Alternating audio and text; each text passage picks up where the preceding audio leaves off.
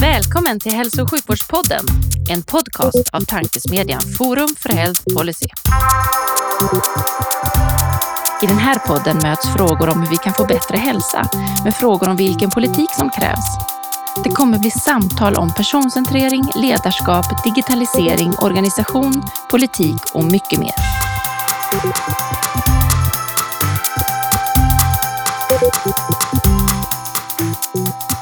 Hej och välkomna till Forum för Health Policys podd.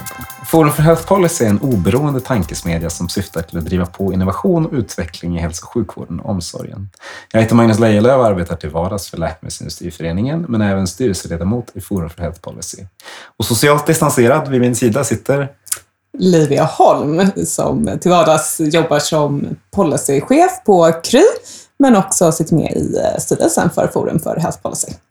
Och med oss i rummet idag har vi en gäst som vi sett fram emot att samtala med under en längre tid. Eh, när vårdens vassaste ledare utnämns rankas hon nästan alltid toppen. Hon har även en intressant och viktig roll som VD för statliga Apoteket AB och alla möjligheter och omöjligheter som det medför. Varmt välkommen Anna Karlsson. Tack så mycket. Eh, vi börjar som vanligt podden med en faktaruta.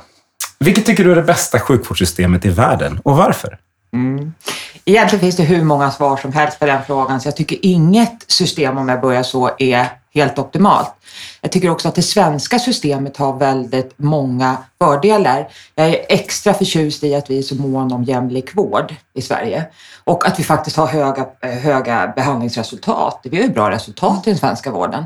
Däremot så anser jag att vi inte använder oss av min bransch till exempel tillräckligt mycket. Det vill säga det här system, att, att kunna liksom inbegripa alla delar av hälso och sjukvårdssystemet i ett och samma eh, flöde. Där har vi en del kvar att göra. Och ska jag hålla fram några andra system som jag tycker är bra eh, så är det till exempel Kanada där man har tagit farmaceutens roll hela vägen in i, i vårdflödet. Så det betyder alltså att man inte bara avlastar utan man förstärker framförallt då läkemedelsbehandlingen och hjälper människor att faktiskt leva ett bättre liv med sina läkemedel. Australien har också ett sådant system. Så att det beror lite grann på vilken parameter du tittar på. Ehm, Tyskland tycker jag är intressant också, men det får man inte glömma bort att det är ett, ett försäkringssystem i Tyskland och då blir det inte, tycker jag då, den här jämlikhets eh, tanken lika uppenbar, det vill säga att det ska vara lika för alla. Den som har störst behov av vård ska få det. Det gillar jag i Sverige. Mm. Så mitt svar på frågan skulle vara Sverige om kanske tio år när man har integrerat apoteksverksamheten också och möjligen lite andra delar i hälso och sjukvårdssystemet ännu mer tydligt. Oh, apotekaren i mig brinner rejält nu. Vad härligt att höra. Men är det det du skulle ta med för Kanada eller något annat du skulle vilja plocka med dig om du fick körsbärsplocka saker från, från det kanadensiska ja, ja, Frankrike tycker jag är intressant så tillvida att det är ju en, där har du ju din eh, personliga primärvårdsläkare hela tiden. Det systemet är jag förtjust i för att det är populärt. Mm. De får ju väldigt höga ratings i Frankrike av sina egna invånare och det går ju, hon vill liksom aldrig tappa bort att någonstans så är det ju vad bedömer människorna, eh, hur pass nöjda är människorna i samhället med sin vård? Mm. Och där tror jag ju igen då, jag ska fortsätta slå ett slag här i början för apoteken, att det här med att få till personcentrerat så att man känner sig sedd och i centrum för sin vård, då behöver man känna att det finns en, en, nära koppling till den första delen i vårdkedjan. Mm. Eh, där tycker jag Frankrike ligger bra till. Sen så jag ska säga att man kan plocka bitar och allting. Mm. Eh, I Storbritannien tycker jag att man har kommit eh, långt. Dels för att man använder sig av farmaceutiska tjänster mer där också, men också för att där har man en ganska bred palett av vårdaktörer. Mm. Och det är jag också förtjust i, att det finns liksom en bredd. Det ser inte exakt likadant ut. Mm. Så att ni hör, jag kan plocka bitar från många delar. Ja. Och det är bra, och vi återkommer till det jag skulle gissa på. Det här känns som ett spännande ämne att djupdyka lite i. Mm. Ska du gå vidare Livia? Ja, och då, då kommer vi kanske in på, det här tycker jag nästan är en av de svåraste frågorna vi har i faktarutan. Vilka är de tre bästa parametrarna för att mäta och utvärdera vården och varför? Där var du inne lite på, mm. vad tycker invånarna? Mm. Jag, tycker att det, jag tycker den är jättesvår, mm. precis som du säger.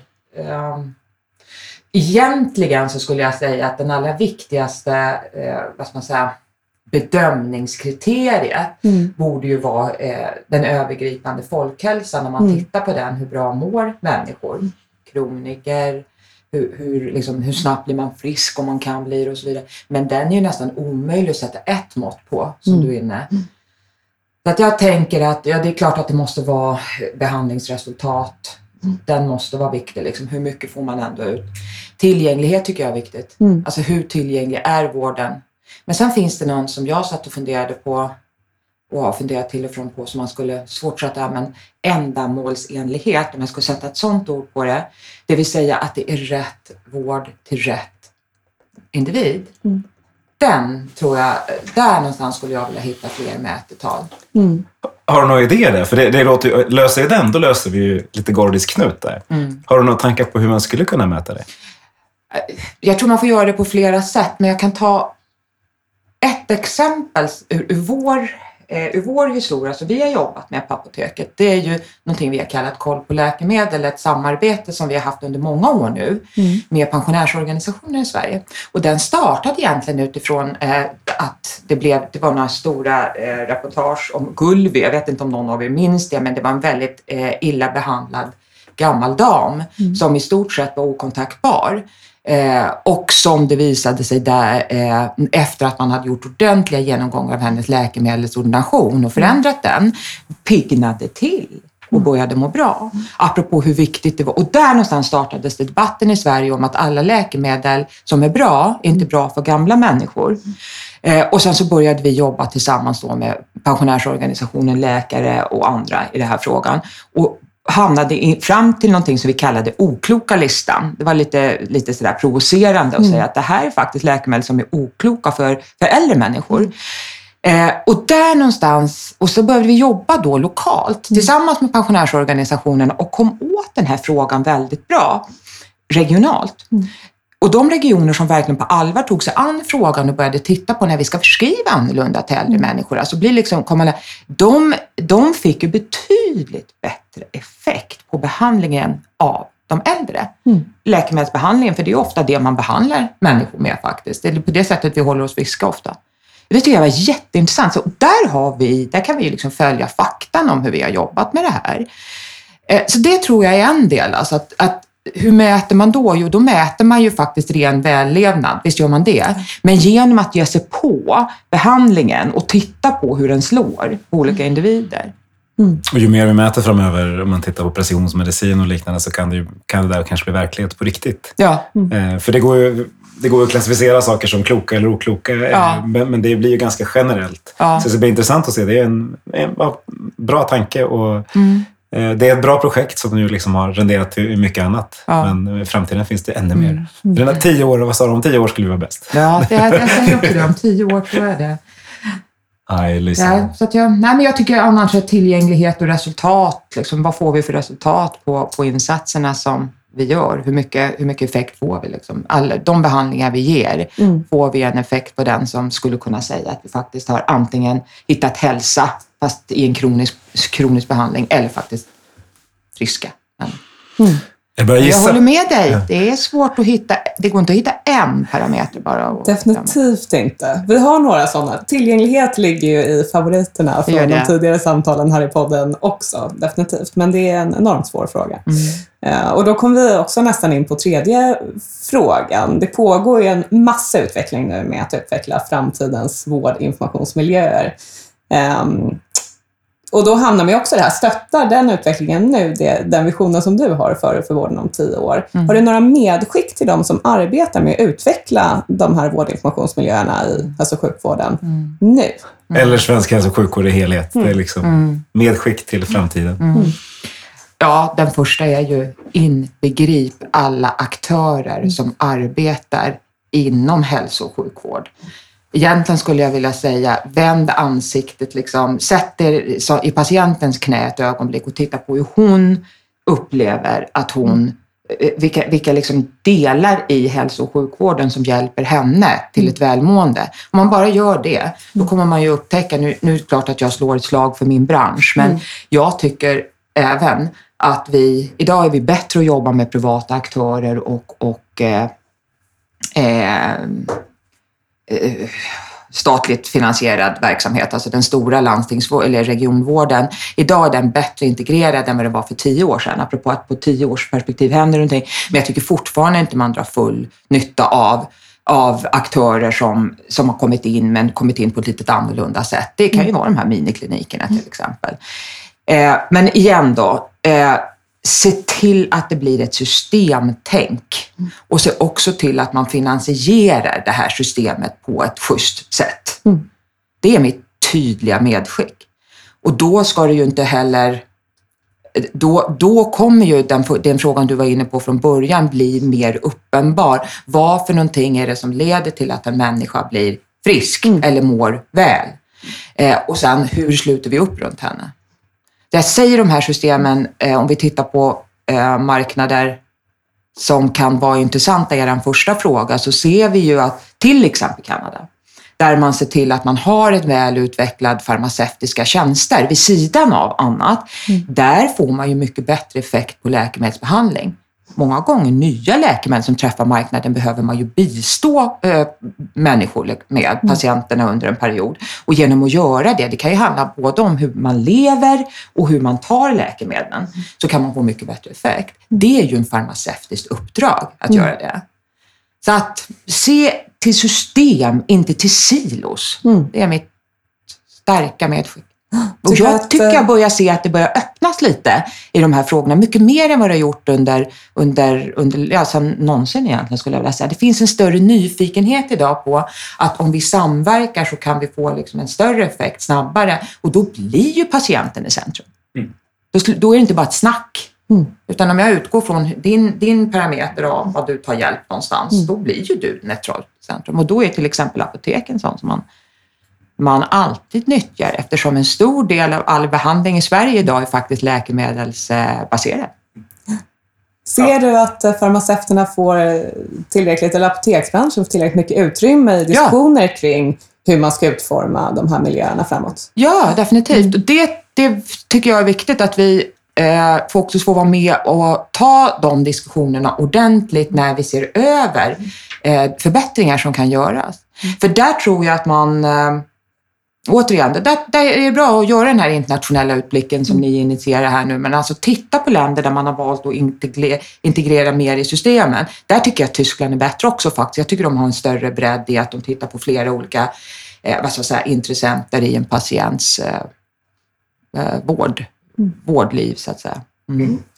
Och eh, genom att ta med apoteken i detta så kan inte vi bara gå in med det vi redan har idag, utan en farmaceut är ju en många gånger femårig utvecklad person i farmakologi mm. eh, som skulle kunna vara med och vidareutveckla också eh, nya behandlingsmetoder. Mm. Och där tror jag att farmaceuterna kan göra betydligt mer mm. än vad de gör idag. Mm. Som farmaceut håller jag naturligtvis med i den också. Eh, vi, vi har nämnt patient några gånger och jag vet inte om jag ska nämna kund eller patient här, men berätta din finaste patient slash kundhistoria. Eh, ja, jag har ju många. Vi träffar ju nästan 200. En normal, en normal dag så att säga, när det inte är pandemi, mm. när vi försöker hålla oss hemma. Men då träffar vi nästan två, runt 200 000 människor, kunder ser ju vi då i våra, någonstans i vår apotekskedja. Mm varje dag, inklusive e-handeln. Och då kan man ju säga att då har vi ju, vi har ju miljoner sådana här eh, eh, eh, historier. Men jag har ju fastnat lite för eh, sådana historier där, där man på något sätt nästan blir upplyst. Och det, vi har under, under alla år egentligen alltid bidragit lite mer med att vi kan hjälpa dig att diskutera runt en totala läkemedelslista. Men eh, det senaste året, ett och ett halvt, så, där, så har vi intensifierat liksom stöd. Vi försöker använda oss av ett stöd som är lite bredare när, mm. när en kund kommer in. Så är man intresserad så kan vi hjälpa till och föra en dialog om hela din eh, läkemedelslista så att säga och vad du kan få för effekter av det. Och där har vi ju mött några, vilket innebär då att vi, våra farmaceuter ser ju dels vad det här är för läkemedel och vad det kan få för effekt, konsekvenser när du använder dem. Du kan få torra händer, du kan få problem med klåda. Det finns ju ofta små sådana saker som en och annan kund kan drabbas av.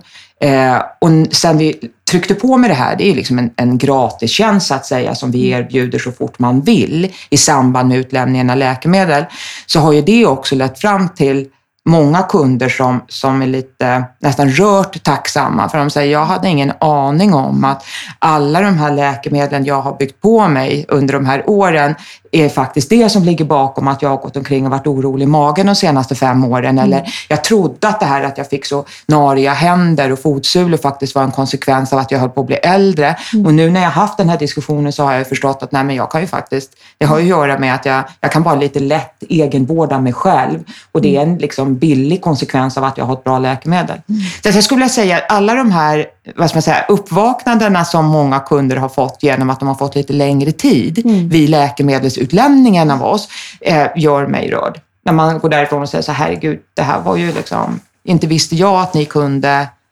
mm. inte visste jag att jag kunde kunna, ni kunde säger de inte så ofta, utan inte visste jag att jag kunde få så pass mycket hjälp runt läkemedelsbehandlingen bara genom att prata med er. Och det där, jag tycker att det är en så fin och viktig aspekt, just det här med ha ökad kunskap, alltså att förmedla kunskap till, till individen. Mm. För att, liksom, just den här att känna en egen makt över sin egen ja. hälsa, vård och behandling. Mm. Där är verkligen en, en viktig roll, tänker jag, i mm. apoteken mm. nära, nära invånarna. Jag håller helt med. Där ser man ju vart efter åren går en stor förändring också mm. i vad, vad man säga, snittkunden. Mm. För idag har vi ju så möjligheter att ta själva ta reda på mm. saker. Så ofta kommer man ju in och är upplyst. Ibland har man fått fel information, men ofta mm. har man ju sökt väldigt mycket. Så man börjar på en rätt hög nivå och det mm. betyder att man kan få ut mycket mm. av ett samtal med våra medarbetare. Eh, mm. Det är inte bara, är det rätt att använda kräm A och B, utan tänk dig, tänk dig att du också tänker in kosten i det här. Mm. Tänk att du tänker in sömnen i det här. Tänk att du liksom, ja, mm. man, kan, man kan verkligen ha ett hälsosamtal mm. eh, där, tack vare både att vi har hög kompetens ute i mötet med kund, men också att kunderna idag är mer och mer nyfikna på att ta reda på saker själv, mm. om sin egen situation. Och då får du både nöjda kunder och du får nöjda medarbetare ja. som får använda de två, tre ja. eller fem år man har studerat. Så det är väl en win-win i det här mm. sammanhanget. Där tycker jag är lite speciellt. Där tycker jag är extra vi har ju kunder, vi har inte patienter. Vi, är inte, nej, vi har ju kunder och det, fördelen med det brukar jag säga om jag sticker ut hakan lite grann, det är att vi vill inget hellre än att komma tillbaka. Vi vill inget hellre än att över, överträffa deras förväntningar. För det är ju på det sättet vi får runt vårt bolag. Mm. Så det betyder att när en patient blir en kund så blir hon om möjligt ännu mer angelägen att tillfredsställa. Mm. Där har ni ytterligare ett skäl till varför apoteken är en viktig del i vårdkedjan. För så så tänker vi ju inte i alla andra sammanhang alltid, av naturliga mm. skäl. Men bara kundperspektivet i sig gör ju att vi blir väldigt angelägna om att sätta henne i centrum. Ja, det är bra. Vi kommer tillbaka till det här. Kund och patientperspektiv är intressanta, intressanta delar. Vi brukar använda den här faktarutan för att kasta oss in i samtalet och det har vi verkligen gjort idag. Men vi vill dra tillbaka det lite och se också, vad, vad gör du idag då? Ja, idag hanterar jag pandemin med mina medarbetare. Mm. Idag vill du att jag nämner om min roll? Att det jag är kan också, det får du också göra om du vill. Det, ja. det, det, kommer som en följdfråga annars. Ja, ja. Att, idag jobbar jag ja, 90 procent hemifrån. Mm. Och det har jag gjort under ganska lång tid. Um, men de flesta av mina medarbetare gör definitivt inte det. De står där ute i, i eh, faktiskt brinnande pandemi. Mm. Och redan från början när pandemin kom eh, till Sverige så var apoteken kanske det stället man, man eh, sökte sin sin tillflykt till för att försöka förstå vad är det som händer och vad kan jag mm. göra. Så vi har ju haft en enormt tryck, annorlunda tryck, ända sedan vi fick in smittan i Sverige. Och idag jobbar vi ju med att försöka ha en så säker arbetsmiljö som möjligt och i det ligger till och med att hålla kunderna lite, hur ska man säga, inte undan oss, men snarare att liksom slussa in dem i butikerna. Mm. Det är vad vi får göra idag. Mm. Och vi har också uppmanat dem att använda e-handeln, uppmana en del av dem att knacka på rutan när vi kommer ut och hjälper dem. Eh, så det är en helt annat förhållningssätt vi jobbar med just nu. Mm. Och sen med, med de skyddsutrustning som, som ändå krävs och sådär. Så att idag jobbar jag med eh, dag till dag beslut skulle jag vilja säga. Jag har gjort nästan hela sista året. Och det är helt annorlunda sätt att jobba. Aldrig jobbat så här tidigare. För, för, att hålla fast i den här, i trappen vägen upp så nämnde du att det har hänt massa saker som är positiva av, av pandemin också naturligtvis. Mm. En, en sån som, om den är positiv eller inte, det, men ni lär ju styra, styra era kundströmmar på olika sätt. Mm. Mycket mer till e-handeln, tänker jag. Mm. Hur, hur liksom, har du några siffror lite så här att dela med dig av och hur, hur ser ni eh, farmaceutens roll i, i samband med det där? Mm. För du nämner mycket kundmötet som det liksom drivande i, i vad ert erbjudande är också. Mm. Men hur, hur, får man ihop det där på ett snyggt sätt? Mm. Du tänker under den här tiden? Ja, till exempel, och, fra, och framöver ja. kanske. Mm. Eh, om jag bara gör några sådana här nedslag när du, ställer, när du ställer frågan kring siffror till exempel, så kan jag bara, förra veckan till exempel, då hade vi en ökningstakt i vår e-handel på 260 procent. Och då ska vi ju se att e-handeln var ju fortfarande, är fortfarande den lilla delen om man tittar totalt sett eftersom vi har 400 apotek. Så vi är ju rätt så mycket i, i det fysiska mm. mötet på, är, eh, har alltid varit det. Eh, men det är enorm tillväxt. Och i det som har hänt det senaste halvåret är ju att eh, läkemedelskunderna i ännu högre grad också börjar användas av eh, e-handeln och jag, mm. helt digitalt. Tidigare var det mer egenvård. Eh, men utmaningen är fortfarande att eh, de här kunderna har ofta ett behov av närheten, alltså känslan av närhet till sin apotekare mm. är en viktig del av vår bransch. Mm. Man känner att man står nära, man, vill alltid, man går tillbaka där man känner tillit och tilltro och där man upplever att alla har liksom koll på min behandling. Mm. Så att vi har ju fått hitta nya former som jag tror verkligen är framtidsformer. Där du idag kan göra på många platser, där, lite större städer då, där gör du en beställning från ditt lokala apotek. Mm. Men vi levererar hem till dörr. Så att man vet att det, det är packat och fixat mm. hos Stina men det kommer till min dörr på ett par timmar. Och det där testkörde vi ju redan innan pandemin eftersom det här är ju liksom nya mm. sätt att möta kunden och det fanns väldigt intresse, mest för de här early adapters, ni vet, som tycker det är kul med allt som ja. är nytt. Idag är det här jättestarkt efterfrågan. Jag såg i DN, en, en, en, i DN i helgen, i söndags, var en sån här in sändare som skrev, jag är helt tagen. Jag kontaktade apoteket och behövde hjälp med mitt läkemedel och ett par frågor. Tre timmar senare så är leverans vid dörren. Jag är helt ja, tagen. Det är en helt ny apoteksmarknad. Så skrev han inte, utan han skrev det förra. Men jag blev lite, ja. det var bara roligt för mig att se att en vanlig insändare i DN för en sån här sak. Så att vi har ju med explosions... Vi, jättefort måste vi ju utvecklas nu. Det gäller ju alla under pandemin. Men här är, har jag en del saker som jag tror kommer att bli beständiga. Mm. Så idag kan vi inte säga att det är unga människor som använder digitala Eh, kontaktytan, utan idag är det alla. Framförallt de faktiskt som inte vill, kan, får, bör och vågar gå ut. Mm. Och många av dem är ju äldre, kroniskt medicinerande och sådär. Mm. Men nu jag inte ska nämna statsministern, eller vad det Förlåt. Men hur, eh, jag är lite nyfiken, för det, det är jätteintressant. Alltså just det här hur ni använder det lokala även i det digitala, mm. så att mm. säga, för att tillgodose det behovet hos era kunder. Men just det här mötet som du var inne på mycket, mm. relationen mellan farmaceuten och, mm. eh, och kunden då. Mm. Är det någonting som ni har börjat också utveckla? Mm. Alltså hur det mötet kan gå till på andra sätt och tror att det kommer vara beständigt eller kommer ni gå tillbaka eh, till, till tidigare sätt att mötas och tidigare beteenden eller vad ser du framför dig? Det är ju precis de här frågorna vi, vi är mitt uppe nu. Kommer det gå tillbaka eller kommer det... Men om jag börjar med det som är mest intressant i din fråga vi jobbar jättemycket med det, att mm. försöka skapa samma känsla hos mm. kunden digitalt. Och då ska ju du, det ska ju kännas att jag möter dig och då mm. ska du kännas personlig. Liksom. Den här personliga kontakten är en viktig del av vår bransch för många. Eh, så att ja, vi jobbar med, vi jobbar med chattar, men då är du fortfarande en bit ifrån. Man svarar på alla frågor, men närheten syns mm. inte. Vi har, kommer att börja jobba nu med, med olika typer av handel då där du kan eh, ja, där du blir inspirerad mm. liksom, av att du möter henne live i realtid, en mm. person, eh, bakom kameran. Mm. Och att du sen ska också kunna föra, eh, föra en dialog med henne sittande där. Alltså så att hon blir ännu mer levande än en, en chatt. Så att vi jobbar ganska intensivt nu med varianter på hur, hur egentligen apoteksmötet ska vara lika starkt digitalt mm. som det är fysiskt. Mm. Eh, jag tror jättemycket på det för att ta den andra delen av din fråga. Jag tror att det kommer men det här är min högst personliga, jag är så enormt intresserad av människor. Jag har en beteendevetenskaplig bakgrund, så att det här med att liksom hela tiden fundera på hur människors beteenden förändras, det är en sån här hobby jag har. Mm. Och jag kan ha fel, men jag tänker jättemycket på det här. Eh, jag tror att eh, vi kommer att gå tillbaka delvis när, när vaccinen kommer och vi kan börja röra oss ut igen. För människor tycker är sociala varelser. Vi tycker det är roligt att röra oss ute på stan. Vi tycker det är roligt att gå in i butik.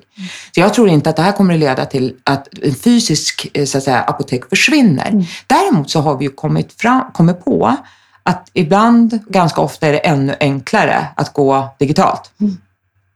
Det vill säga det går snabbare, jag har lösningar framför mig, jag behöver inte köa. Mm. Så jag tror att det kommer att bli en en ganska stor liksom, förflyttning in i att de kräver av oss att vi ligger, vi ligger i kombo. Mm. Alltså att vi, det fysiska, där ger vi dem det man behöver, en vaccination, ett blodtryck, eh, ibland det här personliga mötet och mm. man känner att man behöver få se dig. Mm. Men att, att vi ska liksom fånga dem när de går ut därifrån i deras mobiltelefon istället. De ska kunna mm. använda sin smartphone och betala överallt. Mm. Allt det där. För det är ju det som den digitala tekniken har givit oss, mm. enkelheten. Mm. Och en möjlighet till ännu närmare relation. Ja. Kanske, just eftersom att den kan vara löpande ja. eh, över tid. Alltså ja. rakt i patientens ficka. Ja, mm. och där har ju... Eh, där tycker jag att det finns en, apropå det här med tjänster, som jag är inne på lite grann nu, som är ändå en del av apoteksbranschen också. Och ibland i samarbete med vårdaktörer. Eh, vi jobbar ju med Doktor 24 mm. som ni vet, men överhuvudtaget är liksom nära, nära kontakten med med vårdaktörer tror jag kommer att fortsätta vara väldigt viktigt. Men där någonstans så finns ju mycket av det här att följa upp sin egen vård och sin egen behandling. Den är mycket lättare att göra digitalt mm. om vi bara ger, ger förutsättningarna. Mm. Alltså att du kan följa upp din läkemedelslista, du kan följa upp dina vaccinationer, du kan... Och det vill man ju ha i sin mm. smartphone, det vill man ju inte ha på någon liten lapp längre. Och det har ju gått enormt fort. Mm. Där tror jag att just att tillgången till tekniken har alla tvingats se nu och då har vi, tror jag, den tror jag inte vi vill släppa Ja. Nej, precis. Från att det gått ganska långsamt så har det gått väldigt snabbt. Ja. det, är, det, men det är verkligen det är, en mm. riktig game changer. Mm. Det är mm. härligt. Men vi, nu kanske vi ska vara lite, hålla oss lite till ordningen. Ann, vilken är din roll idag? Vilken är din roll idag? Vi, har, liksom- vi, vi kastar lyssnarna in i ett jätteintressant samtal och så en halvtimme kanske vi ska, vi kanske ska berätta vem du är också. Ja. för, då, för er som inte vet det, förutom att hon är intressant att lyssna på. Vad gör du idag? Jag är VD på Apoteket eh, idag och ehm, jag kom in i detta bolag för drygt tio år sedan nu, trot eller ej. Det känns som att det är två dagar sedan ungefär. Det har varit en fantastisk eh, tid i mm. apoteksbranschen. Jag kom tidigare från ICA där jag hade varit i ganska många år. Så att jag är ju i grund och botten, som en del kallar oss, eh, som, eh, som kommer från min bransch från början, en retailer. Mm. Så att när jag fick frågan om jag ville gå in i det i apoteket 2010 så var det precis när avregleringen hade skett av apoteksmarknaden. Så fram till den dagen nästan så var det bara apoteket som hade, som hade haft apoteksverksamhet sedan 30 år tillbaka i tiden drygt. Eh, och eh, Skälet till att man letade efter någon som mig var ju helt klart att man behövde liksom bli duktig på att agera i konkurrens och, och bli liksom kunddriven på ett sådant sätt som man måste vara i, i vanlig retail. Mm där kan vi säga, där började jag. Eh, det som hände i vår bransch var ju att det blev ju en, en stark konkurrenssituation dag ett. Eftersom avregleringen skedde på ett bra sätt. Man sålde ju av, man styckade ju apoteket på ett rättvist sätt också, sålde ut i klustret. Så det betyder att vi hade ju stenhård konkurrens dag två. Det var ju våra egna medarbetare, våra egna eh, gamla butiker, men också med ny kompetens in i. Va? Och det har väl varit eh, en av de roligaste sakerna i vår bransch. Den har varit, som jag brukar säga, det är en jättegammal bransch, men i väldigt ny tappning. Så vi är en ung bransch fortfarande. Under de här tio åren har vi försökt hitta en form i Sverige som kan vara bra. Och det finns massor kvar i vår bransch att göra. Den har inte blivit mogen mm. i sin nya tappning. Eh, ja, det... Där har du mig. Du får ställa fler frågor om du vill. Men jag är nyfiken då, som sagt, vi är vana att höra dig ofta i eh, ledarpoddar, eh, prata om ledarskap och, och, så vidare. Hur har det varit eh, att komma in i liksom en tidigare statligt eh, reglerad verksamhet? Mm. Eh, in i, som du säger, dag två så är det liksom en, en intensiv konkurrenssituation. Mm. Organisationsmässigt, vad, vad liksom krävdes från dig som ledare för att klara av den här omställningen? Egentligen inte någonting annat än det som krävs i ett vanligt ledaruppdrag, men det trodde jag. Jag hade en föreställning om någonting som inte blev. Eh, jag hade en föreställning om att jag skulle behöva väcka det här företaget och behöva liksom få folk att och, och vilja konkurrera och försöka förklara för dem att det är bra med konkurrens. För det är ju min, min grundinställning i livet, att konkurrens främjar innovation. Eh, men så var det inte. Utan det här var ju ett företag som jättegärna ville visa att det var inte på grund av att de hade varit, eller tack vare att de var monopol som de var duktiga, utan det var för att de verkligen ville människor väl. Så att, men däremot har jag behövt verkligen tillämpa den typen av ledarskap som jag själv tror på, som, där det handlar om att man jobbar väldigt nära människor. Jag har rört mig väldigt mycket ute i verksamheten. Jag, eh, man behöver liksom gå sin förändring. Så att det här, eh, och det har jag gjort i alla mina ledaruppdrag, men det blev ännu tydligare här, för det tog ett tag innan jag fick med mig folk, i ärlighetens namn. Eh, Eftersom jag är inte farmaceut, jag är inte, jag är inte skolad i någon klinisk, eh, klinisk kompetens överhuvudtaget från vårdsektorn heller, utan jag har ju en helt annan bakgrund.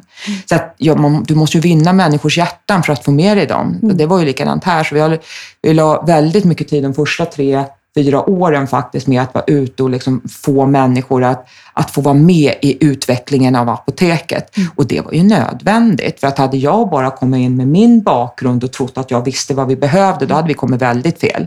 Det här är liksom det här är ju eh, i grund och botten en, en kunskapsorganisation. Och det är jätteviktigt att vi tänker vad, vad har liksom den far, farmaceuten för möjlighet att göra saker och vad vill folk ha av ett apotek, vilket är helt annorlunda än vad de vill ha av en matvarubutik till exempel. Så jag har lagt väldigt mycket kraft på att, att jobba nära medarbetarna och hitta former för att man är med och driver utvecklingen i företaget. Mm. mm. Hur, hur är det, du, du kom med ett retail-perspektiv eh, och nu pratar du väldigt mycket som en farmaceut, höll jag på att säga. Du, du, det är liksom, hur, hur har den förändringen varit? Kände, du, det från- ja, kände du det från dag ett? Men jag, Nej. nej. Nej. Det är det jag ska säga. Jag trodde att jag skulle komma in och lära dem. Jag vågar säga det idag, det låter oförskämt, men eh, jag hade ju fel. Eh, däremot, utan jag kom in och, och blev helt plötsligt förtjust i, nästan förälskad i den här kunskapen. Jag visste inte att genom att man har... Eh, jag visste inte att en farmaceut var så kunnig, inte bara på läkemedel också, utan vad det gör med kroppen, hur det kan påverka liksom ett helt, ett, en hel vällevnad, hur intresserad man var av, liv, av, av hälsofrågor. Det var väldigt mycket som jag liksom blev överraskat, positivt glad över. Det var också en annan typ av ledarskap så tillvida att jag behövde vad ska man säga, intellektuellt få med mig deras, deras tankar också. Så därifrån där jag kom, där hade vi samma syn. Vi vill ut och driva sälj och vi är kundfokuserade och ger vi kunden det de vill ha så liksom, då svarar det. Eh, Medan här så krävdes det ju också att, att farmaceuten som var van att på något sätt också styra upp och lära och utbilda trodde på det här med att, att ibland faktiskt göra upp med sina gamla babys och titta på vad kunderna vill ha. Sen är det en slags balansakt däremellan. Att ibland ge dem det de inte förstår att de behöver och sen de blir förtjusta i.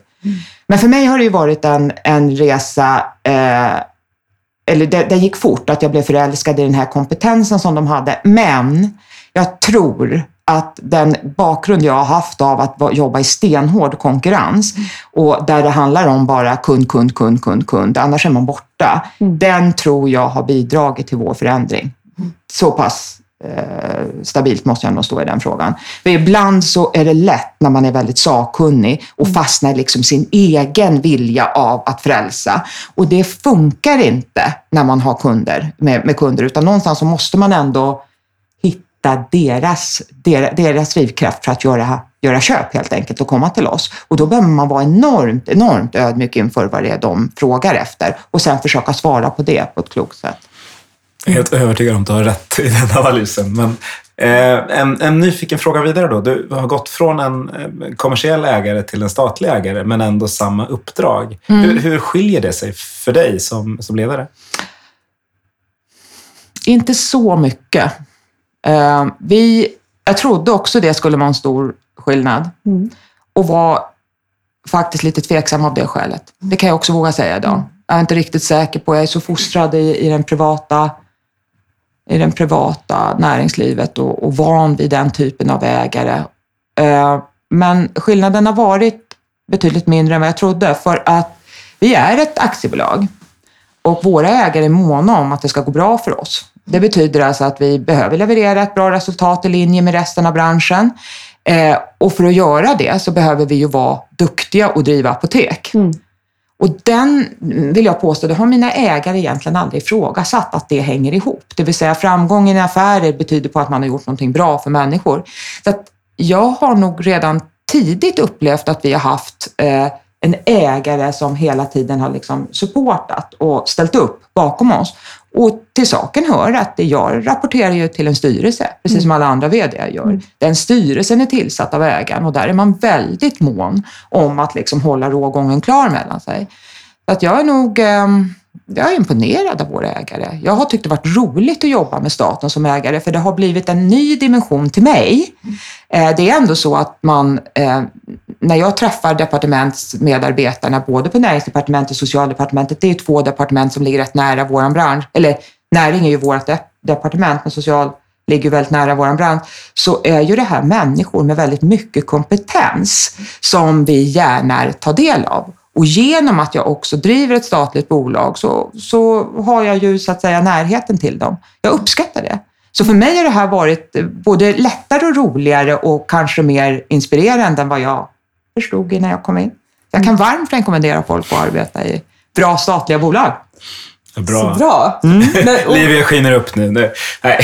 jag blir jätteglad. Jag skulle gärna jobba i ett Ja. statligt bolag någon gång i livet. Ja. Eh, Men, men det låter som att du ändå, när du tog den här rollen, hade vissa idéer om vad som skulle vara utmanande Mm. och, och, och så. Vad, vad är mest utmanande nu i din roll? egentligen om, om jag tittar rakt här och nu så är det givetvis pandemin. Vi kan komma tillbaka till det, men, men frågan är lite större än så Ja. tycker jag. Det är också det som är det roligaste, men det är att det är en, det är en väldigt tuff konkurrens runt oss. Det är mest utmanande. För att vi konkurrerar med de vanliga apotekskedjorna, absolut. Och allihopa vill ju vara bäst där, både, både online och fysiskt. Men vi har många nya aktörer som kommer in också på olika sätt. Dels så är det ju ett farma, eh, finns ju ett, ett egenvårdssortiment som idag säljs i all handel i stort sett. Det betyder att en del av det som på monopoltiden bara fanns på apoteket säljs i väldigt många, på väldigt många andra försäljningsställen i dagligvaruhandeln och på andra ställen. Eh, dessutom så är ju det som, där vi också utvecklar oss hela tiden på egenvårdssidan, där finns ju jättemycket aktörer som vill in där. Från, det kan vara, man kommer från kosmetikhållet, man kommer från hälsohållet och så vidare. Så det är väldigt många som är inne och slåss om trenden hälsa och väldigt mycket på produktsidan om trenden hälsa. Så att där menar jag på att vår konkurrens är, är väldigt tuff för att den, den är från, i olika vinklar. Den bransch jag kommer ifrån är givetvis jättetuff konkurrensmässigt, men där hade man ungefär man hade ungefär samma utgångspunkt när man sålde mat, på den tiden i alla fall. Men hos oss så kan man ju komma från alla möjliga håll. Så helt plötsligt så ser vi att det flödar iväg alldeles för mycket i något sortimentsavsnitt in i en aktör som vi inte riktigt tänkte på som en, en konkurrent från början. Det är min största utmaning. Och det kommer nya konkurrenter in i vår bransch hela tiden. Och Amazon jag, till exempel, alltså nu när de har klivit in i Sverige och ni känner ju till deras eh, så att, säga, att de rör sig väldigt nära apoteksbranschen och har pillpack eh, i sig eh, när man tittar på den amerikanska marknaden och sådär. Alltså de är ju med en helt ny modell i den svenska världen i ärlighetens namn. Långsiktigt en jättetuff konkurrent tror jag. Inte på kort sikt, men på lång sikt. Mm. Så att det är konkurrenssituationen, men det är också det som gör det så vansinnigt roligt. Så att det är det som gör att du vaknar, du vaknar liksom varje morgon och kan göra någonting nytt och någonting annorlunda, men du är aldrig säker. Mm. Så att du måste arbeta väldigt agilt, du kan inte lägga planer som man liksom bara eh, säger så här, nu har vi lagt en tioårsplan och så levererar vi på den. Det var ju lättare på monopoltiden. Mm. Så att där vill jag nog liksom svara på den frågan att det har varit en av mina utmaningar som ledare. Att, att eh, motivera och inspirera alla runt mig att förstå att eh, det handlar om att gå ut och titta på hur marknaden rör sig hela tiden. Mycket mer än att göra långa planer som man levererar på. Mm. Men ett monopol kan göra långa planer och leverera på, för de är ensamma och dikterar villkoren. Det är den största förändringen tror jag för vårt bolag. Mm. Att vara väldigt agila mot en, mot en konkurrentmarknad varenda dag i varenda verksamhetsgren liksom, och våga ställa om. Mm. Hur eh, prioriterar ni i det där? Alltså, för jag tänker apotekens roll i och med den här konkurrenssituationen mm. och bredden av aktörer mm. eh, är ju någonstans under förändring. Alltså, mm. hur, hur är balansen mellan det här att vara agil dag till dag, månad till månad versus att ha någon typ av vision kring vad är framtidens mm. apotek? Mm. Hur, hur går resonemangen där? Vi har lagt några eh, prioritering jättestarkt på läkemedelskunden, men det betyder inte att det är läkemedel som bara är vår prioritet, utan vi ser att genom att vi eh, lägger kraft på att prioritera läkemedelskunden så, upp, så har ju hon eller han ett antal fler behov. Mm. Så att egenvårdsdelen och tjänstedelen är ju väldigt tätt förankrade där. Det är bland annat därför vi startade de här samarbeten med, med vårdaktörer också. Eh, för att vi behöver liksom komma lite längre i den kedjan. Men vi har sagt prio läkemedelskunden, eh, prio hållbar handel. Mm. Och de två drivkrafterna går igen i väldigt mycket av vår långsiktiga vision. Det vill säga, hur tänker vi när vi tänker nytt sortiment? Eh, hur tänker vi när vi tänker liksom ny tjänst? Mm. När vi bygger om ett apotek eller vi, där vi var inne förut, tar fram nya tjänster, ja då är ju de prioriterat mot läkemedelskunden och kanske till och med vissa prioriterade grupper som vi jobbar mm. Eh, med att hela tiden identifiera. Mm. Och det är sättet att hålla liksom visionen klar för oss. Mm. Nu fick jag en fråga på, på samma tema då lite. Om man tittar, tittar, tittar man på rollen hos era farmaceuter. Det som sticker ut hos, hos en apotekskedja är att man har farmaceuter och har liksom den kunskapsbas som finns. Ser du nu förändrar sig sjukdomspanoramat lite, går från diabetes och hjärt-kärlsjukdomar som de stora till cancer kanske som det absolut största.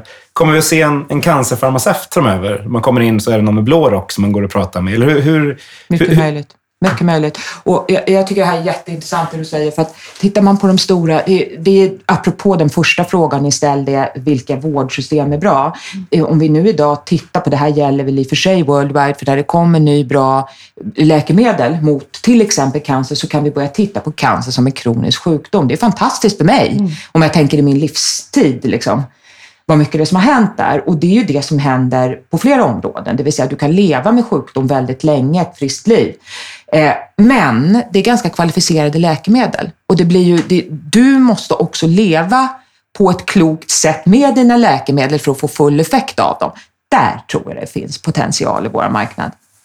Och då är det mycket möjligt det du säger. Det skulle kunna vara möjligt att man kommer in någon som är specialiserad på cancer eller på diabetes. Men, men definitivt så kommer det handla om att vi försöker bistå med stöd och tjänster inom vissa stora sådana grupper som vi vet att, att vi faktiskt möter varje dag.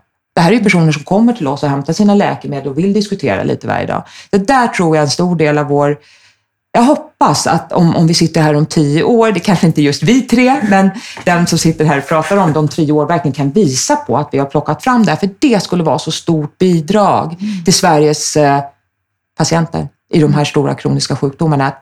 Så att mycket fokus på att försöka gå, gå liksom djupare inom vissa sortiment och inte bara ha den här generella kompetensen. Den tror jag mycket på. Mm. Då kommer vi nästan in lite på, för tycker jag, med vi brukar fråga om personcentrerad vård mm. eh, i, i den här podden.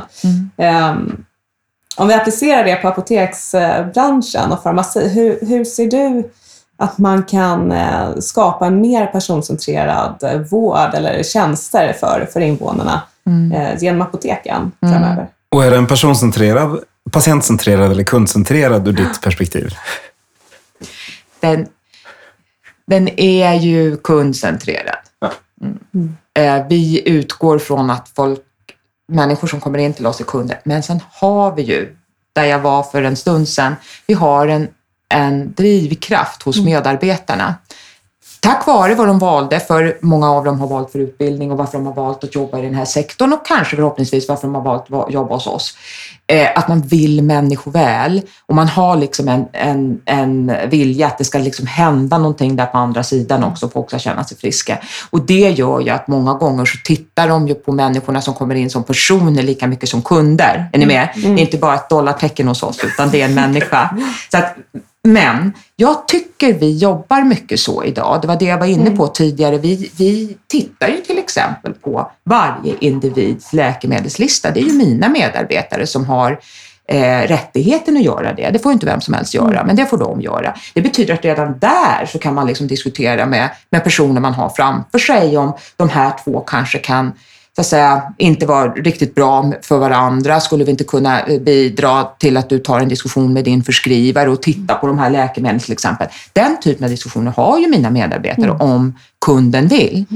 Men för att vi ska kunna göra mer i hela vårdförloppet, Mm. då är jag ju där igen. Vi måste vara en del av helheten. Alltså Mm. vi, vi skulle mycket väl kunna möta många kunder initialt för att sen liksom eh, låta dem gå vidare efter att de till exempel har tagit ett blodtryck hos oss eller hämtat ut sin läkemedel, det som de haft förskrivet under lång tid. Eller sådär.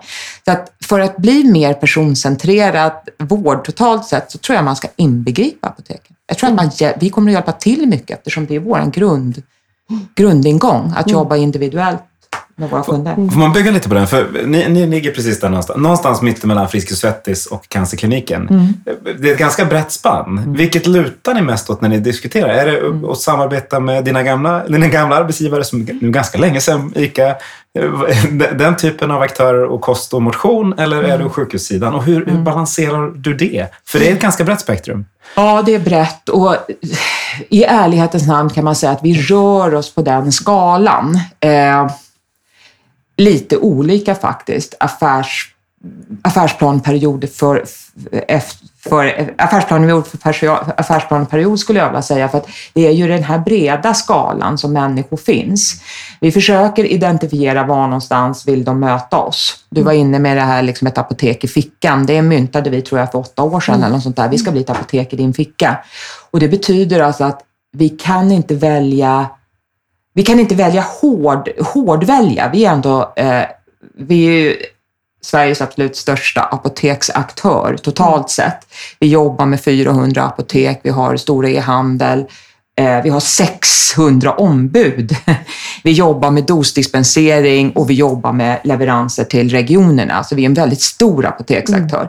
Och det betyder alltså att vi möter så enormt mycket människor så att bli för, för liksom, eh, tydlig bara åt ett håll, det tror jag skulle göra att vi inte kan tillmötesgå våra kunders behov. Mm.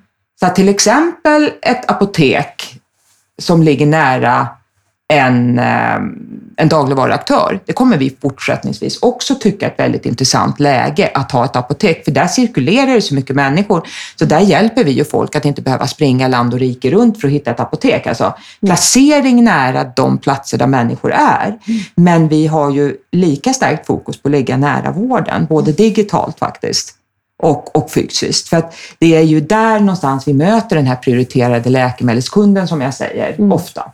Och då kan det handla om en, en fysisk plats på ett sjukhus. Där har vi ofta andra samtal med kunderna rent generellt än vad vi har om ni till exempel tittar på Kungsgatan där vi ligger också. Det, blir, det är två helt olika kundbehov vi möter där. Men att bara välja ett av dem, det skulle jag säga var att gå för långt. Däremot har vi ju en vision, ett liv i hälsa. Och genom att säga att vi prioriterar mycket av läkemedelskunden så handlar det ju om också att den som medicinerar på kort eller lång sikt ska kunna leva ett liv i hälsa väldigt bra med hjälp av sina läkemedel, ja, och stöd runt om, men också med hjälp kring sin egen vård. Vi vårdar ju oss själva mer än någonsin. Och därför handlar det ju om att också kunna bistå preven- preventivt va, med, med hälsostödjande insatser och sådär. Så jag skulle inte säga att vi väljer, vi väljer inte så hårt att vi väljer bort en del, men vi har valt ändå att vidareutveckla oss mycket inom ramen för läkemedelskunder. Ja, bra svar det också. Det är ju en rätt komplex uppgift, vad med det var inne på.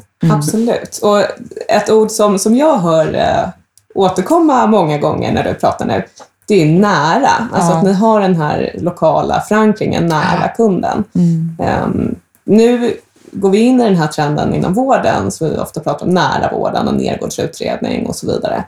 Ehm, hur ser du att, att apoteken borde integreras i den nära vården? Alltså man har det som en vision framåt. Vad, vad borde er roll vara? Vad ser du framför dig? Ja, just att jobba med den nära vården, eller den nära kontaktytan, det är nästan det som det här handlar om att säga att du ska vara i var mans ficka.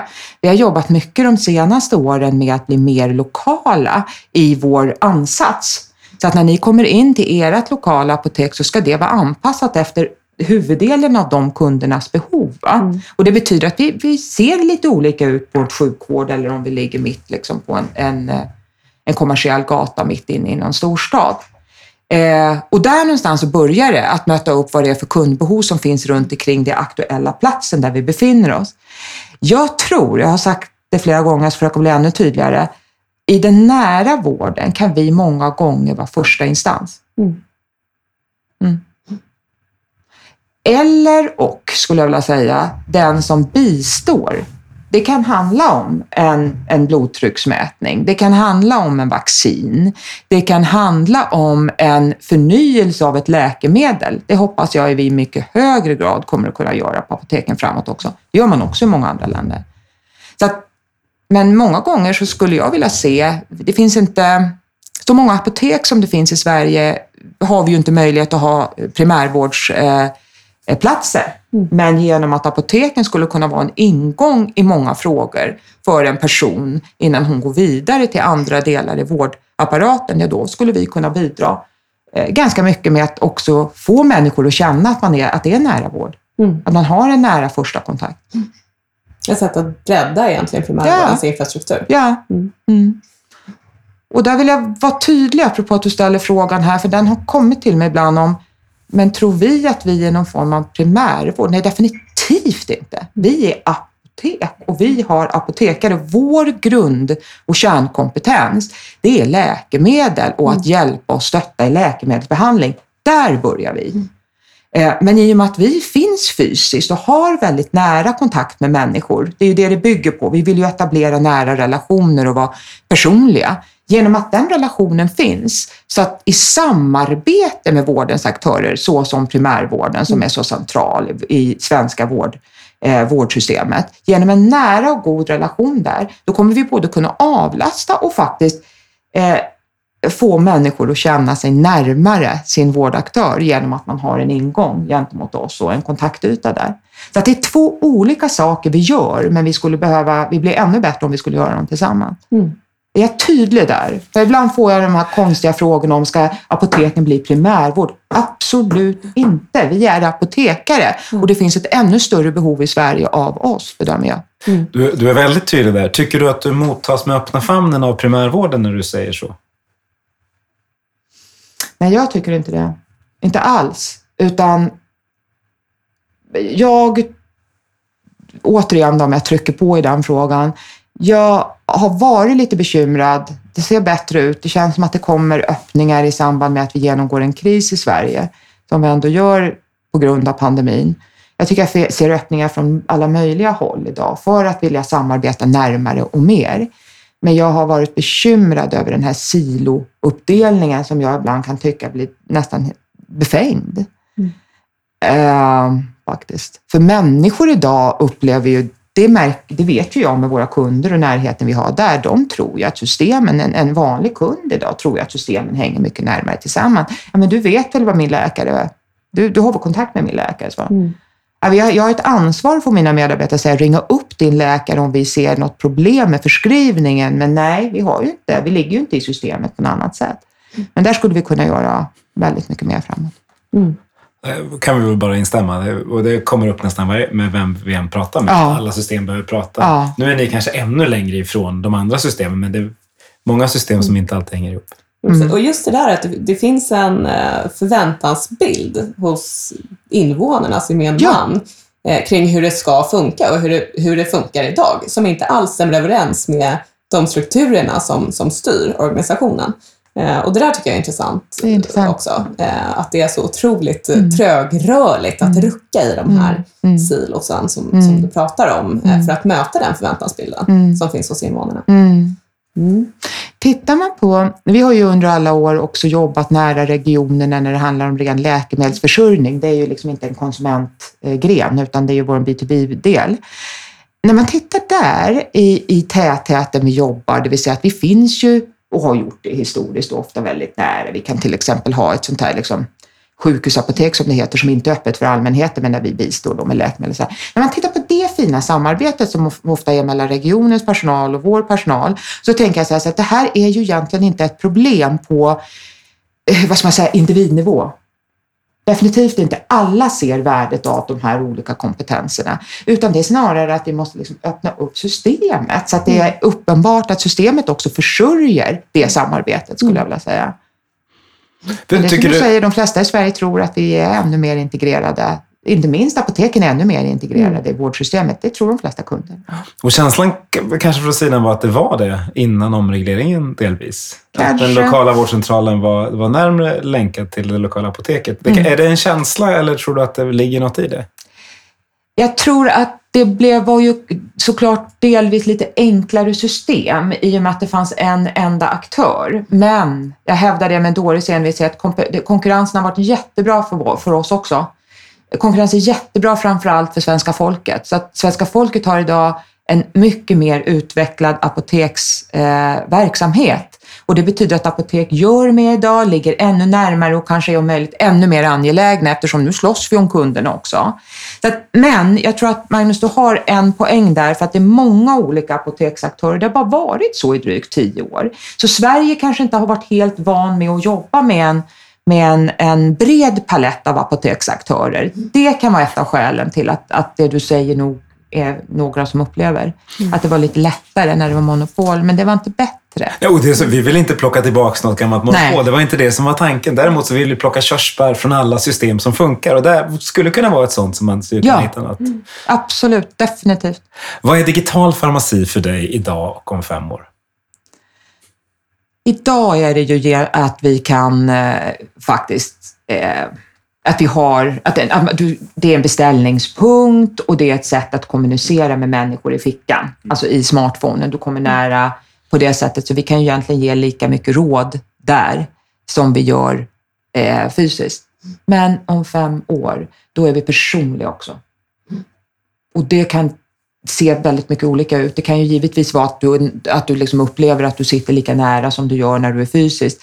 Men det kan också vara vad det är för typer av av tjänster vi har utvecklat. Att vi kommer liksom närmare med tjänsten, att du verkligen har användning för den, att det är där du ser dina vaccinationer eller där, ja, ni vet. Mm. Det finns ganska mycket som du faktiskt vill ha koll på är bara, och du vill gärna till och med ha det på din klocka idag. Mm. Och det är min förhoppning att vi ska ligga så pass nära så att vi med våra tjänster också ska finnas i er ficka. Eh, då blir vi nästan ännu mer tillgängliga mm. än, än vi är med ett väldigt stort apoteksnät. Om jag tror fortfarande på fysiska apotek också. Mm. Min känsla idag när man beställer läkemedel på nätet är att det är ganska lätt att klicka bort. Så här, jag kan, jag behöver inte så mycket råd. Eh, tror du att det kommer att ändras? Att man kommer att veta mer om vilka råd man faktiskt skulle kunna hjälpa till med? Det tycker jag är upp till oss faktiskt, som aktörer, när man pratar med oss. Där tycker jag vi har en del kvar att göra. För att vi, har, vi sitter med, som, som jag beskriver så som vi beter oss idag i butiken och frågar, vill du ha lite hjälp? Ska vi diskutera lite? Jag ser din lista, jag kan prata med dig. Alltså, det är ju ett sätt att nästan sälja vår kompetens. Det tycker jag vi ska göra mer av. Vi ska göra det mycket mer enkelt för dig att förstå att det finns kompetens att få, att det här är någonting som skulle kunna hjälpa dig också i din, vad ska man säga, ditt liv. Jag tycker vi har lite kvar att göra där. Alla i branschen har det, men, men framför allt vi, eftersom jag vill att vi ska gå först här. Längst och vara bäst såklart. Mm. Trenden är ju lite, tittar på båda, är att, att det mergas lite mellan digital farmaci och digital vård. Mm. Hur, hur ser du, kanske ni, på det framöver? Mm. Om jag tar den första orden får du fortsätta sen. Eh, ett av skälen till att vi har arbetat med digitala vårdaktörer sedan ett antal år tillbaka är att vi ser en kompetens hos dem eh, som börjar digitalt. Man börjar inte att tänka hur ska jag översätta det fysiska till att bli digitalt, utan man kommer utifrån teknikens möjligheter egentligen och så bara lägger man fram liksom en lösning.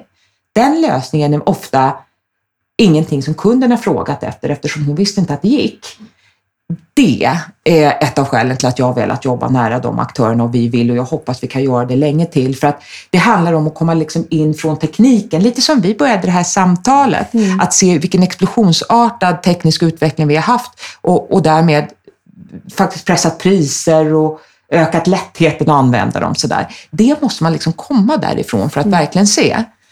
Eh, jag tror att människor om fem år kommer att vara rent generellt, tvärs över alla ålderskategorier och sådär, eh, mycket mer hjälpta av teknik än vad vi är idag. Mm.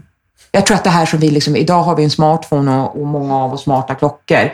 Det är väl liksom någonting som jag tror att de flesta kommer att se som rätt så naturligt framåt, någon variant av det i varje fall. Tekniken hjälper dig i din vardag. Mm. Och därför så tror ju jag också att tekniken kommer att hjälpa dig att använda dina läkemedel rätt, påminna dig, eh, ge dig liksom ett litet nedslag att nu ser vi dina värden i realtid. Alltså all den tekniken finns ju idag. Men det är min dröm att vi mycket, ska vara mycket närmare det om fem år. Att våra kunder ska ta, med vår hjälp, ha fått tillgång till den typen av teknik. För då kan du i realtid till och med så som förskrivare, läkare, eh, hela tiden följa upp din patient och därmed faktiskt ge henne en mycket bättre behandling. Mm. Det tror jag väldigt mycket på. Hoppas verkligen att din dröm slår in. Ja, Ja. När går kunden över till patient? Om, vi- om vi har det digitala vårdflödet. Liksom. För det, du startar som kund hos er och så landar som patient och så tittar jag på andra sidan bordet. Hur, när, när, går, när byter man? Jag vill nästan... Eh, båda mina föräldrar är läkare. Eh, och eh, det här kommer jag ihåg, det var en konversation vi hade vid ett middagsbord eh, när jag var tonåring. Då, hade, då debatterade de det här. Kund versus patient. Eh, och jag minns det att min, min mamma sa att jag jobbar i ett serviceyrke. Eh, jag är doktor och jag arbetar i ett serviceyrke. Jag tycker inte att man... Det är ingen större skillnad på kund eller patient eller det begreppet, utan jag är här för att stötta och hjälpa den här individen framför mig på bästa möjliga sätt. Eh, sen har vi olika begrepp i apoteksbranschen och i sjukvården. I sjukvården så kallar vi människor för patienter, Mm. som någon typ av term för att nu är du här därför att du har ett visst typ av behov som, som liksom ger dig den här titeln. ja. Eh, men inställningen bör nog inte skilja sig särskilt mycket, tycker jag. Där tar jag efter min mammas ord från, från det där middagssamtalet i tonåren. Att, ehm, vi är här för att möta en individ och stötta på bästa sätt eh, för en bättre hälsa. Och jag tror att, apropå den tidigare frågan kring eh, liksom, vart är den här utvecklingen på väg? Hur kommer apotek och, och digitala vårdaktörer eller traditionella vårdaktörer för den delen samverka? Där tror jag att det gemensamma kanske i vårt tänk från Kry och, och även mycket av det du har beskrivit eh, under det här samtalet, det är ju att eh, man tänker lite annorlunda kring de här traditionella silosen. Det handlar mer om eh, hur möter vi individerna? Hur gör vi det lättare i vardagen att eh, hantera sin egen hälsa, att eh, få den vården som man behöver, den informationen kring sin vård som man behöver för att kunna eh, ha en större makt själv och känna ett ägandeskap kring det här. Och då tror jag att vi kommer se en ökad integration mellan de här tidigare olika världarna. Därför att som sagt, som invånare så, så förväntar jag mig att det här ska hänga ihop. Det ska vara smidigt och enkelt för mig. Eh, och då tror jag att vi kommer se närmare samarbeten. Jag hoppas det framför, eller framåt i alla fall. Ja, jag jag håller verkligen...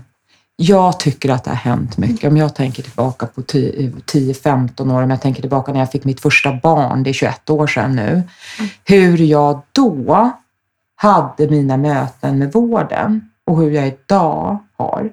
Att det som du säger är att invånarna har ju förändrat sina förväntningar på hur man ska bli bemött samtidigt som hela vårdsverige vidareutvecklas ju hela tiden. Och vi har ju pratat väldigt länge om person, eh, eh, patientorienterad eh, vård och det är ju väldigt många som verkligen liksom brinner för det i hela vårdsystemet i Sverige idag.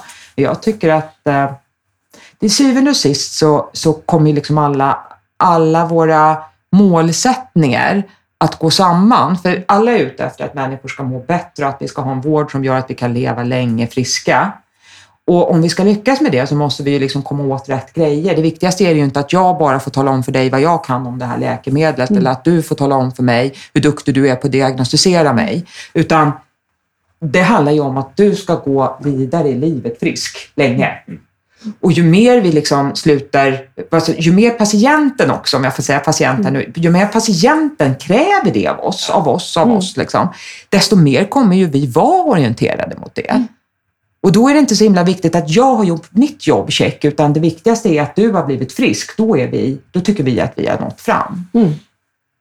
Jag tycker jag ser många fler effektmått idag i hela vårdkedjan. De kanske var mer kvantitativa tidigare, bara idag är de kvalitativa också. Så, så att jag tycker det händer jättemycket i svensk sjukvård. Det är därför jag säger om tio år så är jag helt säker på att den svenska sjukvården är självklart den allra bästa. Redan idag är den ju många parametrar i topp. Mm. Jag håller med. Och jag stör mig inte så mycket på kundbegreppet. Jag tycker det mest var roligt att få igång en diskussion kring det. Det lyckades ju. Ja. Eh, idag, kära lyssnare, får ni springa lite längre, för vi, vi, vi, kan inte sluta bara så här, utan vi får fortsätta prata lite till.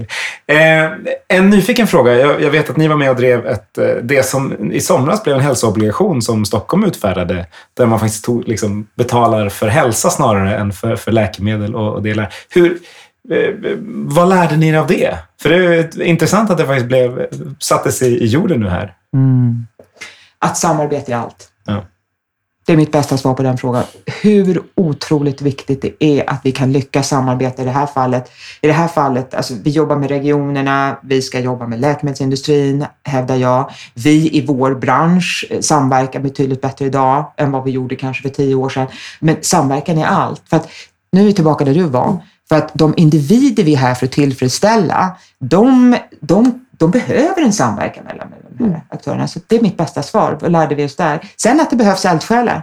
Och den sliter jag med ibland. Att vi måste ofta ha eldsjälar som orkar driva igenom när det är systemförändringar som ska till. Det duger inte med att vi tycker eller skriver debattartiklar, mm. utan vi måste ha eldsjälar som liksom vågar nästan riska en del mm. själv för att få igenom en fråga. Vi behöver mycket modiga människor i hälso och sjukvårdsbranschen. Mm. Det är hos mig och det är överallt annat. Det behöver vi verkligen. Det är, och det hade vi delvis i det projektet ja, tycker jag. Mm. Ja, det är sant. Mm. Det skulle man vilja ha fler av. Eh, ja. Även om vi alla känner oss modiga så är det, är det är helt sant. Det behövs verkligen. Ja. Nej. Eh, vi har pratat länge och ni som har varit och sprungit, ni har passerat milen nu. Det är inte, inte alltid ni hinner göra det. Anna, du kom hit. Var det något du kände att det här vill jag diskutera som jag inte har fått diskutera? Nej, jag, är väldigt, jag har fått diskutera mer än vad jag hade tänkt att jag skulle få diskutera. Jag vill betona igen det här, vilken möjlighet vi har att eh, dra nytta av de skarvar som också uppstår i en sån här kritisk tid som en pandemi ger. Eh, öppningen är att vi behöver varandra mer och att vi idag har en, ganska många aktörer som, som skulle kunna samverka mycket mer och det är, det är ingen svår lösning. Det kräver inte många, många års utredningar för att komma fram till det, utan öppna upp det här, ge, ge tillgång till, eh, till samarbete helt enkelt. Då kommer det vara så många som liksom har stått länge nu i spiltan och velat igenom som kommer att flyga i, i en del lösningar tror jag. Så att våga, ha tillit till att olika delar i hälso och sjukvården kan mm. och behöver varandra. Då kommer det hända ännu mer och vi kommer vara ännu mer innovativa i svensk vård, hälso och sjukvård framåt. Det är bra slutord skulle jag säga. Verkligen. Mycket eh, bra slutord. Man, man, känner när man en vinterdag när vi sitter mitt i en pandemi så får man ha ett sånt här trevligt samtal med er. Det ger i alla fall mig väldigt mycket energi.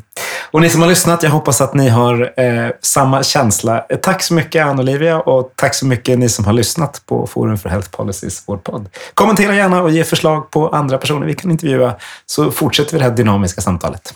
Ha det fint!